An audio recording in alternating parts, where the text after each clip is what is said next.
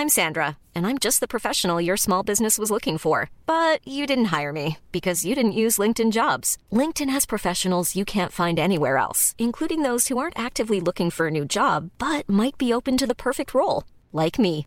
In a given month, over 70% of LinkedIn users don't visit other leading job sites. So if you're not looking on LinkedIn, you'll miss out on great candidates like Sandra. Start hiring professionals like a professional. Post your free job on linkedin.com/people today. Burrow is a furniture company known for timeless design and thoughtful construction and free shipping, and that extends to their outdoor collection. Their outdoor furniture is built to withstand the elements, featuring rust-proof stainless steel hardware, weather-ready teak, and quick-dry foam cushions. For Memorial Day, get 15% off your Burrow purchase at burrow.com slash ACAST and up to 25% off outdoor. That's up to 25% off outdoor furniture at burrow.com slash ACAST. Ryan Reynolds here from Mint Mobile. With the price of just about everything going up during inflation, we thought we'd bring our prices down. So to help us, we brought in a reverse auctioneer, which is apparently a thing. Mint Mobile unlimited premium wireless. Ready to get 30, 30, bit to get 30, bit to get 20, 20, 20, bit to get 20, 20, bit to get 15, 15, 15, 15 just 15 bucks a month. So, Give it a try at mintmobile.com slash switch. $45 upfront for three months plus taxes and fees. Promo rate for new customers for limited time. Unlimited more than 40 gigabytes per month. Slows. Full terms at mintmobile.com. Alle vil gjøre Hans Nilsen Hauge til sin, men hvem var egentlig hans? Det er spørsmålet vi stiller i denne utgava av eh, Tore og Tarjei, en podkast fra dagen. Det er påskeveke, og eh, stilleveke blir det også kalt. Men eh, vi må rett og slett eh, markere noe litt spesielt. Og det gjelder kommende lørdag, påskeaften 3. april. Da er det 250 år siden Hans Nilsen Hauge ble født. Og hvorfor skal vi markere det her, Tarjei? Altså Gjesten vår, Ola Grytten, vil jo kanskje si at dette er Ja, det er kanskje nesten historiens viktigste nordmann. Det er i hvert fall ikke langt unna. Ja, eh, velkommen til oss, Ola Grutten. Du har jo vært med oss tidligere. De fleste vet nok hvem du er, men eh, professor i økonomisk historie ved eh, Norges handelshøyskole i Bergen. Og også soldat i Frelsesarmeen. Og du nevnte i en video som jeg så nå nylig, at hvis du tar Møllers tran eller hvis du vasker klærne dine med Omo eller eh, et annet produkt fra eh, Lilleborg, eller du eh, sitter i en sofa fra Ekornes, så er du egentlig, eller går i en genser fra Devold, så, så er du egentlig i kontakt med Hans Nilsen Hauge på et vis. Ja, på en måte ser du det. Nå er det slik at I disse tider er det veldig mange som har veldig lyst til å fremstå som haugianer, og, og veldig mange som har lyst til å gjøre Hauge sitt bilde. Men det er klart at uh, Møllers Tran, Lilleborgfabrikker, er grunnlagt av uh, haugianere. Uh, der Peter Møller selvfølgelig var sentral. Uh, Jens Ekornes som grunnla Ekornes-konsernet, regner seg også sjøl som veldig inspirert av eh, Hans eh, Nilsen, Nilsen Hauge. Og, og, og Oa Devold regner seg som haugianere, og var åpenbart haugianere. Så, så, så um, det er veldig mange som har tatt inspirasjon fra Hauge, ikke minst når det gjelder næringsliv, i løpet av de 200 siste åra.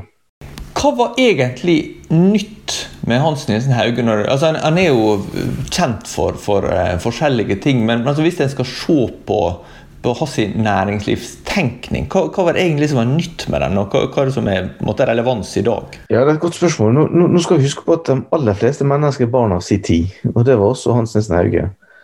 Og jeg tror også det er riktig å, å sette den inn i en internasjonal ramme. Man har en sånn internasjonal puritansk bevegelse som foregikk fra 1600-tallet. Og, og når vi kommer til 1800-tallet, så kan vi nesten kalle dem for en slags nypuritanere.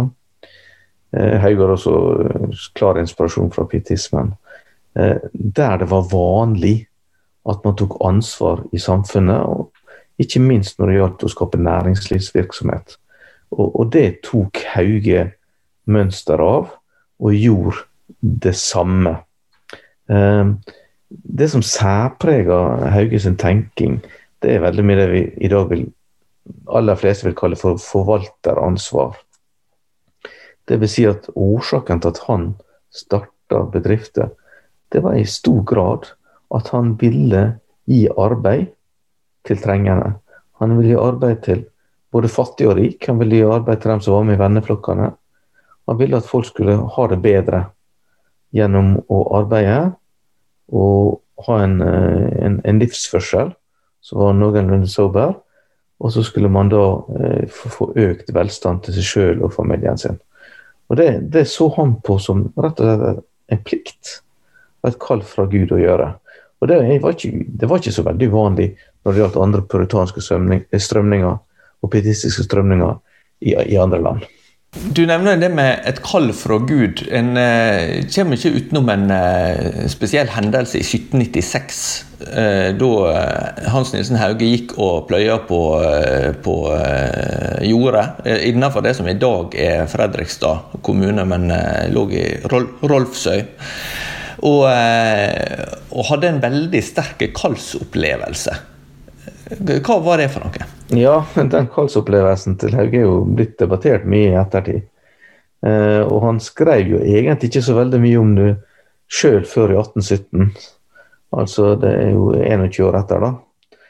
Eh, men han gikk jo, det vi vet helt sikkert, at han gikk og sang 'Jesus den søte forening og smake'. Den har jo du Tor, akkurat sunget inn på en salmeplate. Ja, altså det, hvis noen skulle være interessert, så finnes den faktisk på, på Spotify. Ja.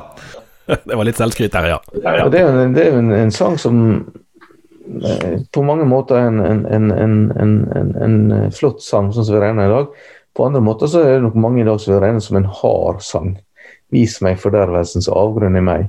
Det er ikke mange som står og synger det som lovsang i menighet i dag. Så det var, det var nok uh, en, sang som Man synger den i dag, men, men, det er nok en del som syns en del av teksten er hard. Men han gikk i alle fall og sang den. Og, og, da opplevde han at Gud kom veldig nær. Eh, og så har man i ettertid tolka det på mange måter. Noen sier at det var en, bare en spesiell opplevelse han hadde med Gud. Det var en realitetsorientering og hva han hadde egentlig gjennomgått i en lengre prosess. Noen sier at han det som på pinsespråk kalles åndsdøpt.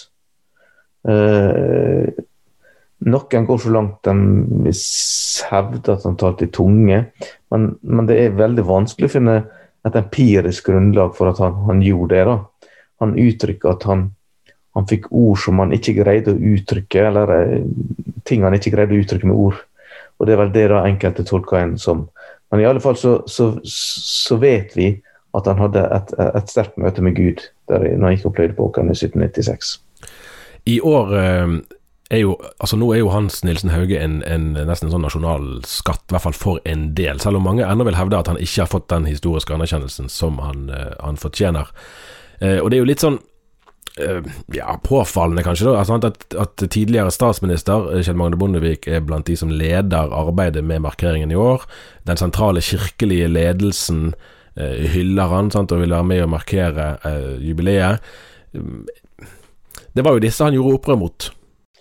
Ja da, eh, det ser jeg. Og jeg har sjøl holdt foredrag for Hauge blant alle politiske eh, avskygninger og farger.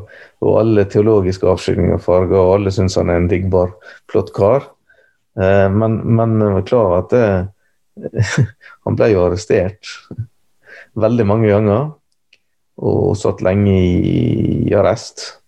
Og eh, dem som sto bak arrestene, er jo den som representerer grupper som i dag hyller han.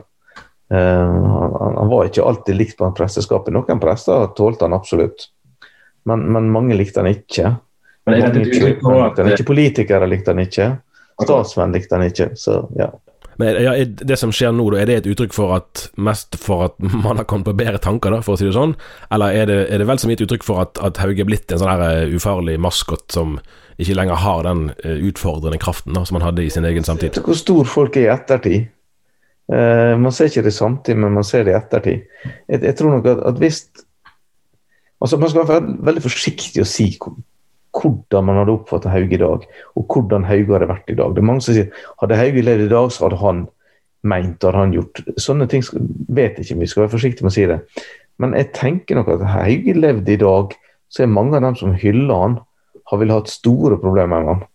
at de ville hatt store problemer med han har på en del områder konservative teologi. De har fått problemer med han har radikalisme. Han har opprør mot etablerte. Så, så, så, det kan være at en del av dem som hyller han ville ha fått problemer om han hadde gått rundt her i dag. Det, det, det ser ikke vekk fra, men sånn i ettertid så, så, ser jo alle at, eh, eller de aller fleste at dette var en, en, god mann, men det har ikke alltid vært sånn. Altså, hvis du går til ca. 20 år tilbake, så var ikke det uvanlig at man liksom nesten gjorde narr av Hauge. Og haugianere, at det var noen mørke menn og farlige folk, og dette var ikke bra. Hva var det som forandret det? Nei, det er nok gjort en del, eh, både forskningsmessig og populærvitenskapelig, kanskje mest populærvitenskapelig, som, som, har gjort han veldig folkelig, og som har fremheva den veldig positive sidene med han. Det at han var med å eh, forme det moderne Norge. Det at han var med å forme det moderne næringslivet, skapte mange arbeidsplasser. Eh, tok hensyn til de fattige, drev med folkeopplysning og sånne ting. Og, og haugianerne også var veldig sentrale i utvikling av lokaldemokratiet. Og, og mange vil også si, si rettsstaten det, det er noe som gjør at mange, mange syns at dette her er oi, dette er jo flott, det, dette er jo supert. Men samtidig skal vi også huske på at, at både Hauge og haugianerne altså det, det, er en mangfoldighet. Det er vanskelig å si at sånn var Hauge. Han, han hadde mange sider.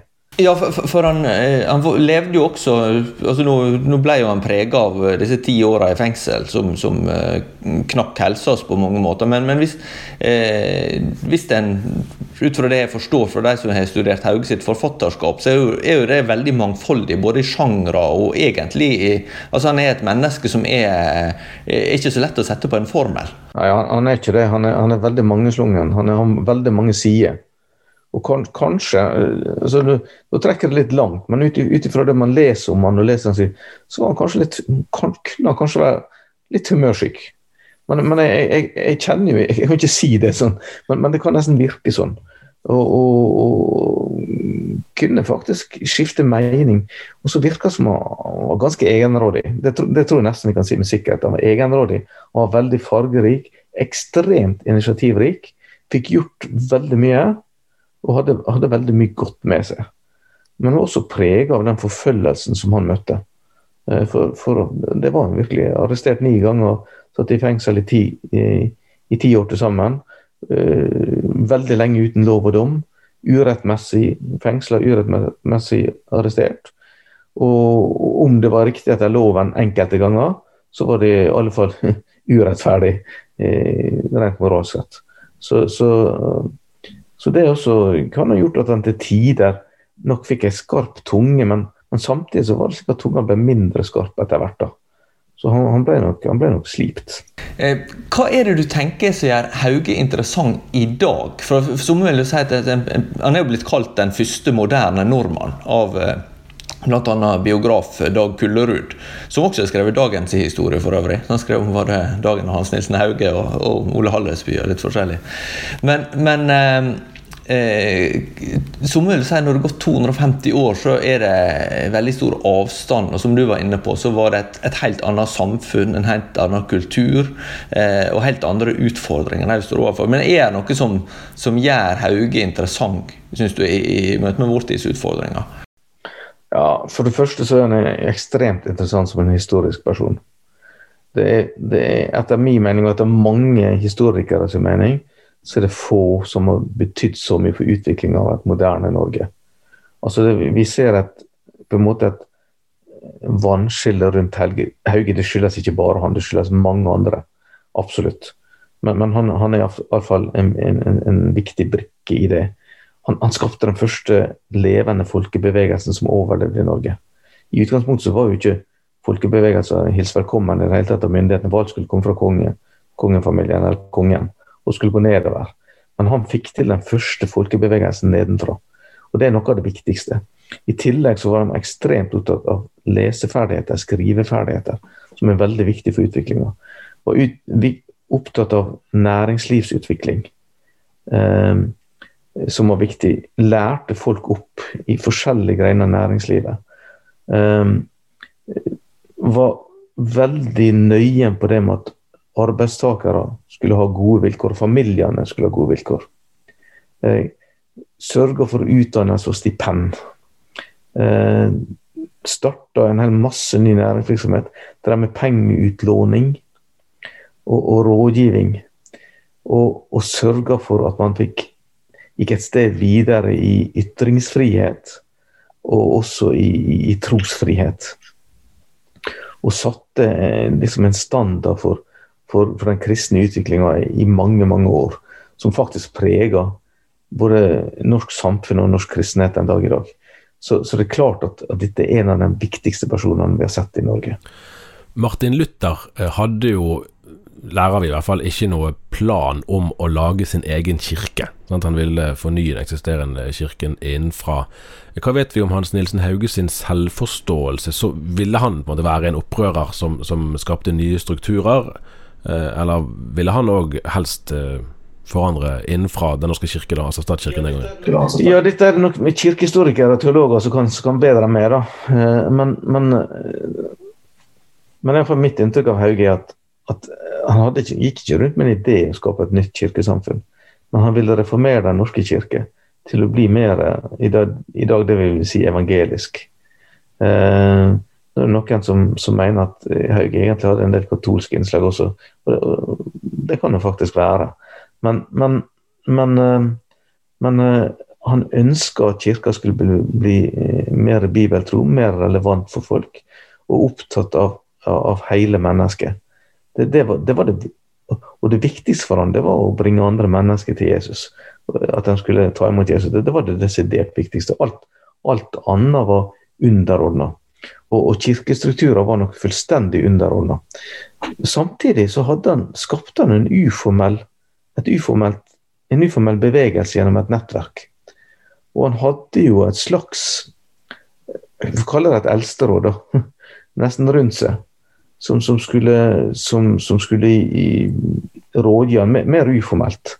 Han hadde folk der han, han virkelig så som sine arvtakere, og folk som han, han, han, prøvde å søke råd for til tross for sin egenrådighet. Så, så, så, på en måte så var han nok bevisst at det, dette var en bevegelse. Det var han. Ikke minst når han skapte næringsvirksomhet og arbeid for dem som var med i bevegelsen. Og, og hele pakken. Så, så, det var han bevisst på. Men jeg tror aldri han gikk med klare tanker at nå skal jeg starte et eget kirkesamfunn. Det tror jeg var helt eh, det, var, det tror jeg var ganske fjernt for ham. altså. Man hører jo både i deres hjemfylke Møre og Romsdal og vel òg i Trøndelag at man kan se helt sånn konkret eh, i dag, sånn, over 200 år etter at han var der, at der i den bygden, der var han. Og i den bygden, der var han ikke. Ikke minst i, i hvordan det kristne arbeidet er utformet. Hvor, for Det høres jo Det er nesten utrolig å tenke på. At, at, at, så lenge etterpå så kan man se helt sånn på, på lokalgeografisk. Ja, det ser du kanskje spesielt i Trøndelag. Levanger-området, der var han. Kraftig spor. I andre plasser var han ikke, f.eks. Akkurat. Men hvor vanlig er det i Hvis vi tenker på økonomisk historie, da. At ett menneske setter så langvarige spor etter seg? Nei, det er veldig sjeldent at én person setter så store spor som Haug har gjort. Men, men, samtidig vil jeg si at han var jo ikke alene. Og han var et resultat av sin tid på mange måter. Eh, en motstrømsbevegelse i sin tid, men en veldig stor motstrømsbevegelse. Eh, så, så, og det at han har vært plasser eh, det ser du, ja, du ser det også på Sunnmøre. Her har Hauge vært, her har ikke vært. Så ser du den dag i dag der Hauge har vært. det et rikt næringsliv der han ikke har vært et mye fattigere næringsliv. Der han har vært et rikt kristenliv der han ikke har vært et mye fattigere kristenliv. Så, så, så, så du finner sånne spor, og det, det, det, virker, eh, det virker unikt. Det gjør det.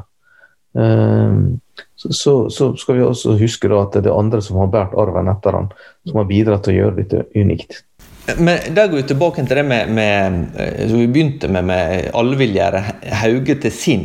Eh, for, for, å sette det litt, litt på spissen, Men, men, sånn som vi, vi snakker om nå, at, at vi, eh, vi, ser jo at alt ifra på en måte sosialister til homobevegelse, til, eh, til forskjellige kristne retninger, til arbeiderbevegelse. Så alle tenker at Hauge egentlig er en representant for oss. Er, er det liksom typisk med en historisk person som var viktig, at den, at den måtte bli en sånn brand når åra går? Ja da, det, det, er ikke vanlig det. Altså Hvis du har et positivt historisk image, så, så, så er det sånn. altså I, i norske økonomer så er Ragnar Frisch det store navnet. Når man har putta Frisch-navnet på nesten alt mulig, så går det an å putte Frisch-navnet på. ja. så, så, og mange har jo putta Luther-navnet på det, så går det an å putte Luther-navnet på. Så, så noen putter Wesley-navnet og William Booth-navnet og alt mulig. Så, så, så dette, er jo, dette, er jo, ikke uvanlig, da. Men det er klart at noen syns at dette her er forferdelig, at man gjør sånn. Men jeg syns jo det er egentlig fint, det at så mange i så mange leirer lar seg inspirere av, av en og samme mann. Og man finner noe inspirasjon eh, for det de står for. Men nå er jeg helt sikker på at han, han ville ikke ha vært med på alt det som folk gjør han til i dag.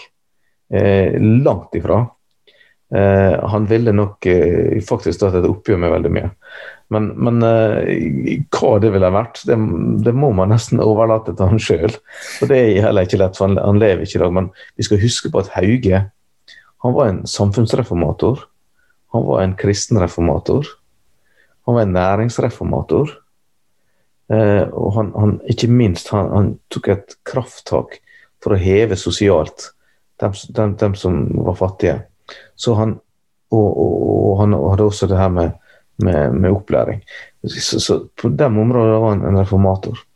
Vi snakker jo i dag en del om, om, om inkluderende arbeidsliv og om velferdsordninger og sånne ting. Kan du si noe om hvordan Hauge var en pioner der? Det kan jeg gjøre, men jeg fikk ikke sånn ferdig det. Så jeg samtidig så var samtidig, også, Og kvinner også, ikke sant. Han tillot jo kvinnelige forkynnere. Og hadde Randi Solem var en av dem. For det skal regnes som eldste i bevegelsen. Så han, og haugianerne på Stortinget var jo for at kvinnene skulle få arverett på lik, nesten på lik linje med menn. Så det var veldig mye. Men samtidig skal vi huske på at Hauge var, så, var en, en, konservativ teolog. Han var ingen liberaler i det hele tatt. Det, det skal vi huske.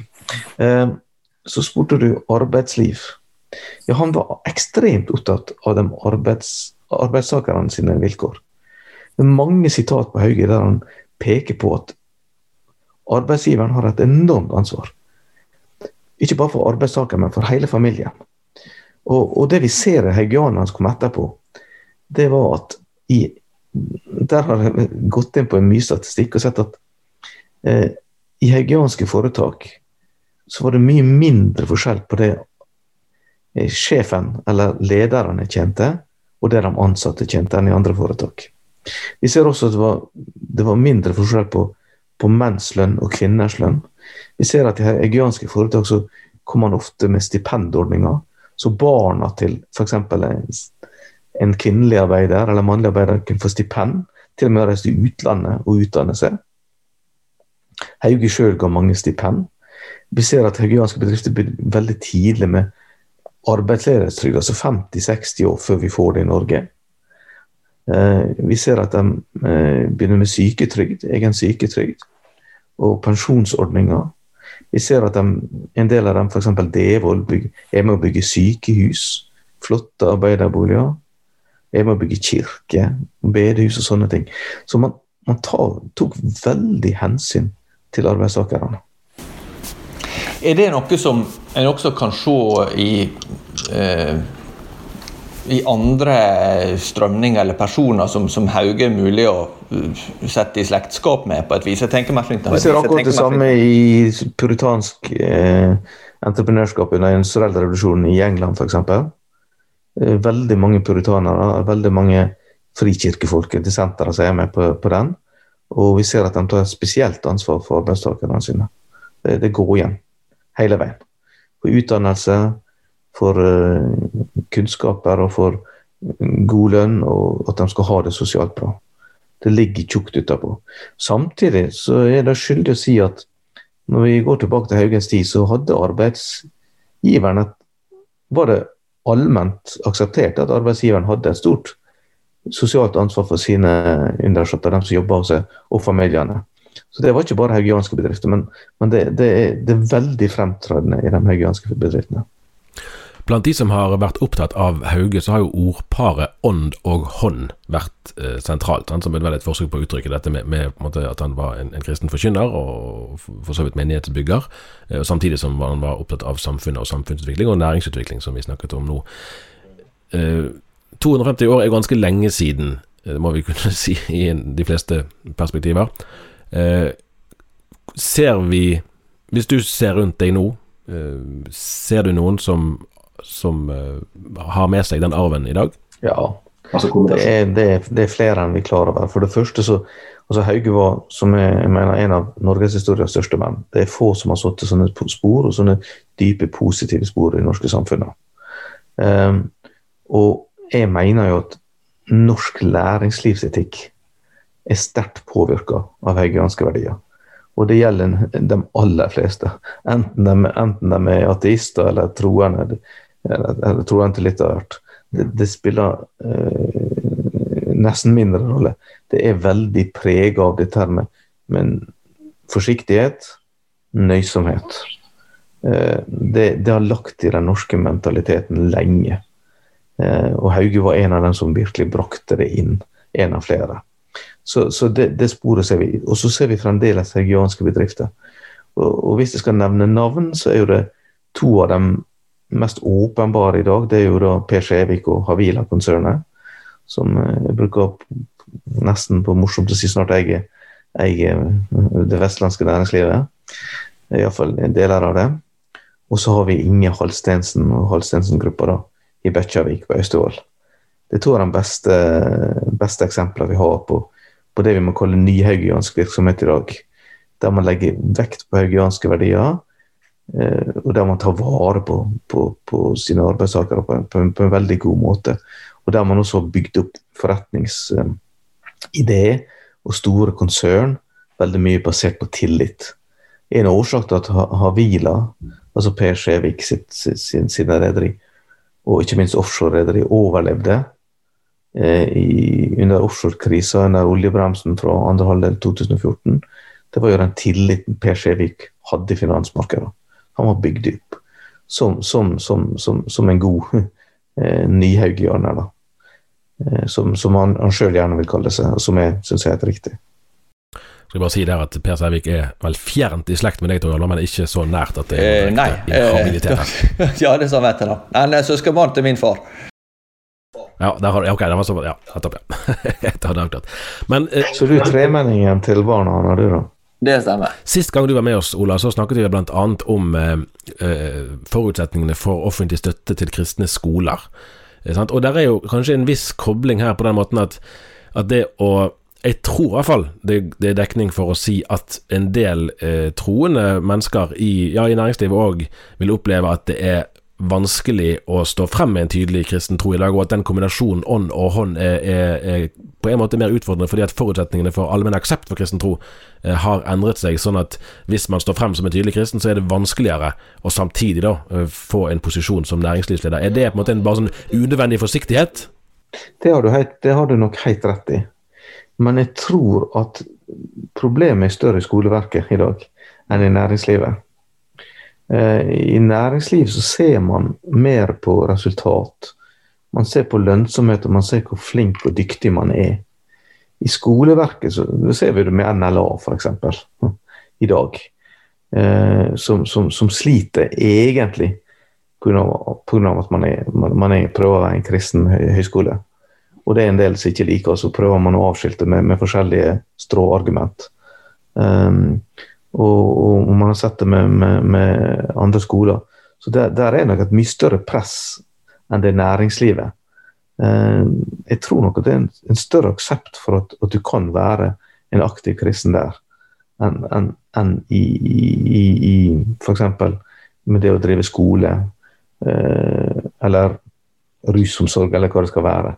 Og Der er det hele tida press på at du som kristen egentlig ikke bør gjøre det. Jeg skal ikke si noe om henne, der jobber konen min, så der holder jeg meg unna. men, ja, eh, nei, men NLA kunne man sagt mye om. Der er det, det, det, det er mye grums i den forfølgelsen av NLA. Altså. Det, men det kan vi ta en annen gang. Men, men tenker, du, altså, tenker, du, sånn sett at, at det å møte motstand pga. en kristen overbevisning er, er et slags eh, altså, det, det, høres jo alltid litt sånn uh, usympatisk ut å mene at en sjøl er forfulgt. Uh, men, men, men, mener du likevel at det er en slags, uh, slags, linje fra Hauge til altså det å ha et, et, en tydelig kristen agenda da, for en holder på med. at Det, det var omstridt på Hauges tid, og det er omstridt på vår tid. Altså Hauge ble nok forfulgt av ulike årsaker. En årsak var at han hadde en, en tydelig kristen, konservativ agenda. Det var en årsak til han ble forfulgt. En annen årsak til han ble forfulgt, det var at han utfordra eh, etablissementet, det politiske etablissementet og det næringsmessige etablissementet. Og han utfordra kirkeetablissementet. Han utfordra altså de eksisterende maktstrukturene på, på, så mange områder. Og Derfor ble han forfulgt.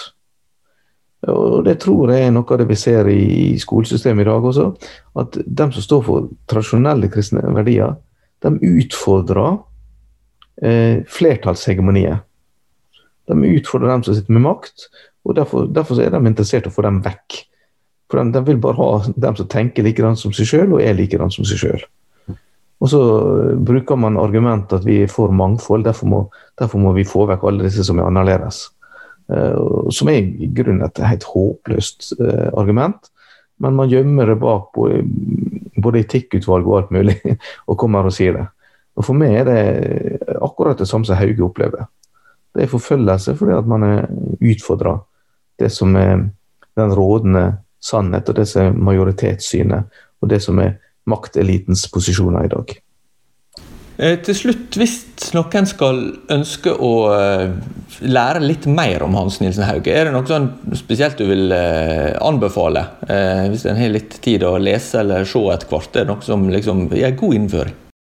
Eh, det er jo mest sånn, eh, hva jeg skal si da, noen populærvitenskapelige fremstillinger og noen mer vitenskapelige fremstillinger jeg har skrevet. Men, men, det finnes en rekke bøker. Jeg syns jo den boka som min venn Sigbjørn Ravnåsen skrev eh, for noen år siden, 'Ånd og hånd', var en fantastisk bok. Det er skrevet eh, mange andre gode bøker. Det er skrevet skuespill. Man jobber med filmer. Så det er en enorm litteratur. Og det som er interessant, som mange nok ikke er klar over, at det er skrevet vanvittig mye om Hauge i, om, av amerikanske historikere. Det finnes enormt mye litteratur om Hauge i USA. Så han ble ansett som en helt av mange historikere i USA. Og i en periode så var de flinkere å skrive enn nordmenn. Så, så, så der, er, der er en fantastisk eh, rik litteratur på Hauge. Og etter hvert så er den gått mye mer utover det at han på en måte var forkynner og teolog. Det er blitt mer som samfunnsreformator, og det er mer eh, som næringslivsentreprenør. Og det er en hel masse som går på at, at Hauge har omskapt samfunnet. Så, så, det mye litteratur i dag som handler om arven etter Hauge. Så, så, så der er så mye at uh, Ta for dere og les.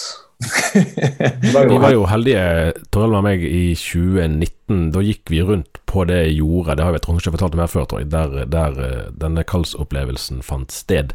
Det var et sånn virkelig tankevekkende øyeblikk. å tenke på denne strofen 'Meg og hva mitt er jeg gjerne må miste om du alene i sjelen vil bo', sånn fra Jesus din søte forening og smake. Det er jo egentlig ord å tenke over nå inn i, i eh, påsken òg, og tenke etter hva som faktisk er. Hva er det vi holder som vakkert og verdifullt som den umistelige skatten i livene våre? Det går også an å lese noe av det Heide har skrevet sjøl. Altså, ja. Eh, noe, noe, av det Han hadde jo 34 skrifter, da, i, eh, noen sier bøker, men de fleste var jo små. Han har 34 skrifter, og eh, Oddvar Johan Jensen mener jo at kanskje var opplaget så mye som 600 000. Pensjonert professor på NLA, og det, og det er jo kjempemye. Så, så noen av et par, par kan, kan man ganske lett få tak i i dag. Og Det finnes også faktisk eh, en samling som Dag Kullerud har gjort, med, med, utvalg av Hauge-skrifter, som en kan sikkert få lånt på biblioteket eller et kort. Så eh, da har vi litt, eh, litt, å lese på for den som måtte være interessert i det. Eh, takk skal du ha, Ola Grutten, for at du var med oss. Og så ønsker vi alle ei fortsatt eh, god påske. Riktig god påske.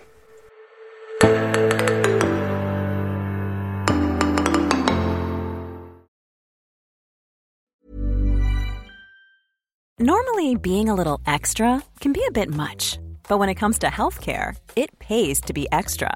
And United Healthcare makes it easy with Health Protector Guard fixed indemnity insurance plans. Underwritten by Golden Rule Insurance Company, they supplement your primary plan, helping you manage out of pocket costs without the usual requirements and restrictions like deductibles and enrollment periods. So when it comes to covering your medical bills, you can feel good about being a little extra. Visit uh1.com to find the Health Protector Guard plan for you. Hi, I'm Daniel, founder of Pretty Litter. Did you know cats tend to hide symptoms of sickness and pain? I learned this the hard way after losing my cat, Gingy. So I created Pretty Litter, a health monitoring litter that helps detect early signs of illness by changing colors, saving you money and potentially your cat's life. Pretty Litter is veterinarian developed, and it's the easiest way to keep tabs on your fur baby's health right at home. Go to prettylitter.com and use code ACAST for 20% off your first order and a free cat toy. Terms and conditions apply. See site for details. Planning for your next trip? Elevate your travel style with Quince. Quince has all the jet setting essentials you'll want for your next getaway, like European linen, premium luggage options, buttery soft Italian leather bags, and so much more. And is all priced at 50 to 80% less than similar brands. Plus, Quince only works with factories that use safe and ethical manufacturing practices. Pack your bags with high-quality essentials you'll be wearing for vacations to come with Quince. Go to quince.com slash pack for free shipping and 365-day returns.